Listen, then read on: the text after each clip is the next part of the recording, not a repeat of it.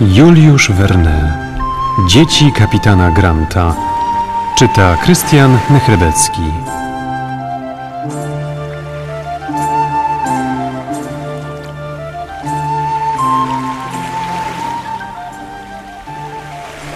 Marynarz wypatrujący z masztu okrzyknął ukazanie się jakiegoś lądu na horyzoncie.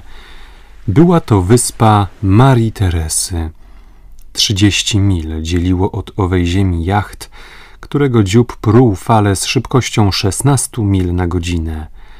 O piątej kapitan John Mangles spostrzegł delikatną smugę dymu wzbijającego się w powietrze. Czyżby wulkan?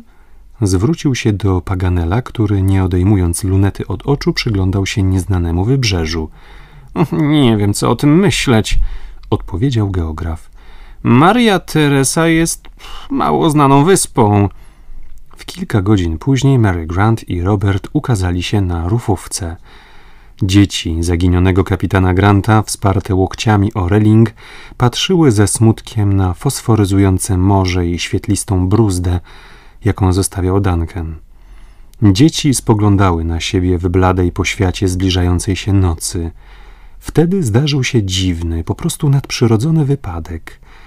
Spośród fal, już to mrocznych, już to lśniących, dobiegał do uszu Mary Roberta jakiś głos, którego ton głęboki i niemalże żałosny poruszył wszystkie struny ich młodych dusz.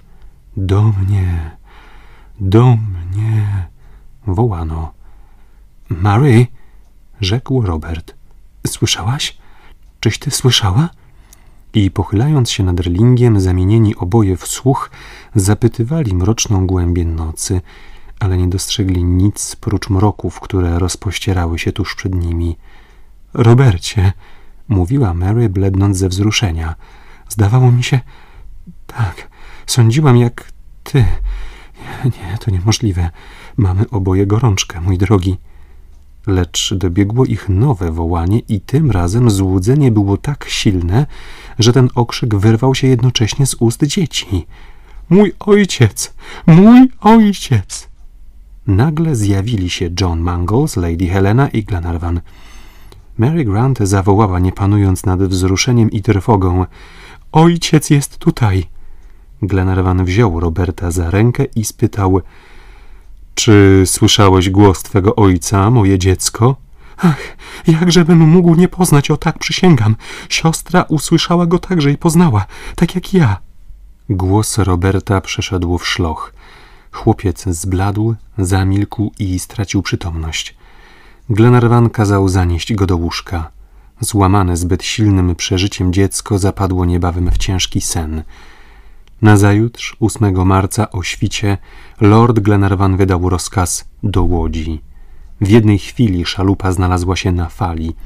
Dzieci kapitana Granta, lord Glenarvan, John Mangles, Paganel wskoczyli do łodzi, która odbiwszy błyskawicznie od burty unosiła się niemal nad wodą, popychana energicznymi uderzeniami wioseł sześciu marynarzy. W odległości dziesięciu sążni od wybrzeża Mary Grant krzyknęła rozdzierającym głosem Mój ojciec! Wysoki, barczysty człowiek stał na nadbrzeżnej plaży między dwoma innymi mężczyznami.